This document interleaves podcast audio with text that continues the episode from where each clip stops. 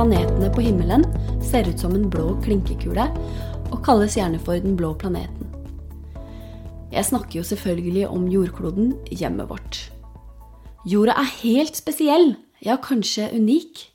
Av alle de tusenvis av planetene som er sett så langt i verdensrommet, er det ingen som er akkurat som vår hjemplanet. Velkommen til Naturfaghjørnet.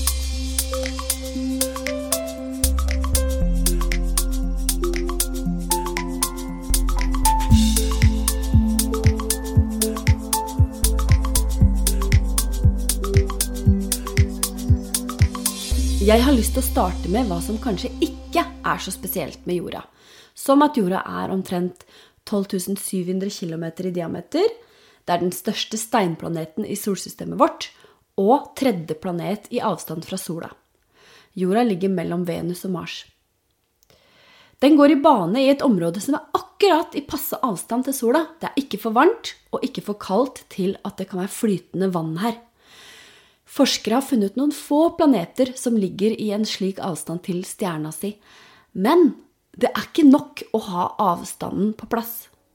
En planet som skal kunne ha vann, må også ha atmosfære. Atmosfæren er nemlig det som gjør at en planet kan holde på varmen. Uten atmosfæren ville det vært helt ulevelig her. Det ville vært iskaldt på natta og glovarmt på dagen. Pga. atmosfæren så slippes mye av varmen inn og beholdes her, sånn at det ikke er så kaldt på natta. Tenk på menneskekroppen, f.eks. Huden vår har en temperatur på kanskje 30 grader, mens lufta rundt oss er ca. 20. For å holde på varmen så tar vi på oss klær. Klærne gjør at vi beholder noe av varmen inn mot huden. Atmosfæren er på en måte jordas klær, og den effekten kalles for drivhuseffekten. Men det er ikke alt atmosfæren gjør. Den består av flere ulike gasser, eh, særlig nitrogen og oksygen, og sammen med noen flere. Og den sammensetningen er perfekt lagd, sånn at atmosfæren slipper inn eh, passe mye stråling fra sola. Nok til at vi får lys og varme og blir brune på sommeren. Eh, samtidig stopper atmosfæren den farligste strålingen. Vi hadde ikke tålt de farligste strålene fra sola. Huden vår og cellene våre ville blitt ødelagt. Så kan jeg jo ikke snakke om jordas atmosfære uten å forklare hvorfor vi faktisk har en. Det er nemlig ikke alle planeter som har atmosfære. Og særlig ikke når de er så små som jorda. Eh, det er nemlig sånn at eh, stjerner, eh, og sånn som sola vår, hele tiden sender ut solvind, eller solstorm som det også kalles. Det er akkurat som om deler av sola unnslipper og blir kasta ut i rommet. En samling av glovarm plasma og gass.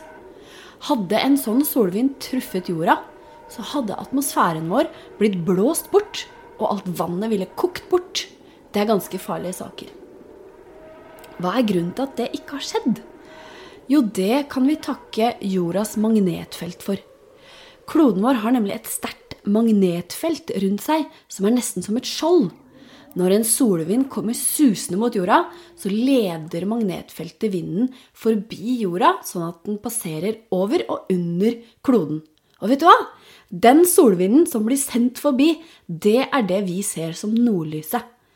Nordlys eller sørlys, da. Um, og det er derfor det bare ses ved Nordpolen og Sørpolen. Så neste gang du ser nordlys, husk på at det er veldig farlig, og send en takk til magnetfeltet vårt. Grunnen til at vi har magnetfelt her på jorda, det har med jordas indre å gjøre. For det første så er det eh, mye metall inni kloden, jern og nikkel. I tillegg så er dette flytende, slik at det roterer inni jordkloden eh, rundt en, en hard kjerne. Og de som har kjennskap til spoler og roterende metall, vet at dette har med magnetisme, elektromagnetisme å gjøre. Og enkelt sagt så kan vi si at det flytende, roterende metallet i jordas indre skaper dette magnetfeltet.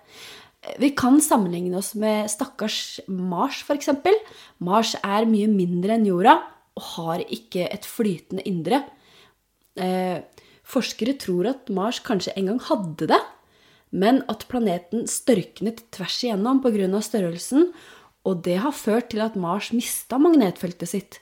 og som igjen førte til at atmosfæren ble ødelagt av solvinden. Det er jo flaks for oss da, at jorda er litt større, sånn at vi fortsatt har et flytende indre som skaper magnetfelt som beskytter atmosfæren, eh, som gjør at det kan eh, være levelige forhold her. Eh, så jeg håper du har fått en litt bedre forståelse av hvorfor jordkloden er så unik. Det er så mange ting som har klaffa for at kloden har kunnet utvikle liv. Så tenkte jeg at vi skulle hoppe litt over til månen igjen nå. Jeg lovte nemlig i en tidligere episode at jeg skulle fortelle mer om månen vår. Månen vår er jo laga av stein, enkelt sagt. Materialet er ganske likt det som er på jorda, men sammensetningen er litt annerledes. Månen har en litt annen tetthet, og det har ført til følgende teori om hvordan månen ble til. For omtrent 4,5 milliarder år siden så blei planeten i solsystemet vårt danna. Eh, vi har jo snakka om i tidligere episoder hvordan det her foregikk. Det var en ganske voldelig prosess der store steiner som svevde rundt, krasja inn i hverandre og danna større og større klumper. Eh, og i jordas spede begynnelse så tror forskere at en annen, litt mindre planet krasja inn i jordkloden. Og det krasjet var så voldsomt at deler av jordkloden ble knust. Disse knuste bitene endte opp i bane rundt jorda. Kanskje ligna det litt på ringene rundt Saturn? Og over tid så samla disse bitene seg i en klump, som ble til månen. Men det fins òg en teori om at jorda faktisk fikk to måner på dette tidspunktet. At disse bitene som gikk i bane rundt jorda, samla seg til to klumper. Altså to måner. Er ikke det kult? Se for deg at du kikker opp på nattehimmelen, og så ser du to hvite, flotte måner. Forskere tror at disse to gikk i bane rundt jorda i flere millioner år, men at den ene roterte litt raskere og derfor henta inn den andre. Og så på en måte smelta disse to månene sammen til én. Grunnen til at de tror det, eh, er fordi at baksiden av månen er mye tykkere enn den andre. Har du lagt merke til at månen har mørke flekker? Disse mørke flekkene kommer av vulkanske utbrudd. Rett og slett størkna lava. Og det er den siden vi ser fra jorda. Vi får aldri sett den andre siden av månen herfra, men forskere har jo sendt ut sonder og fotografert baksiden, og har funnet ut at der er det jo ingen mørke flekker. Og det er fordi skorpa er mye tykkere, nesten 30 km tykkere på den siden. Og jo tykkere skorpa er, jo mindre er sannsynligheten for vulkanske utbrudd. Det forklarer hvorfor det ikke er mørke flekker der. Det er jo nettopp denne oppdagelsen som danner grunnlaget for teorien om to måner, nemlig at månene smelta sammen på den siden der skorpen er tjukkest. Det tror jeg holder for denne gang. Til neste episode, vær nysgjerrig og vær interessert i universet.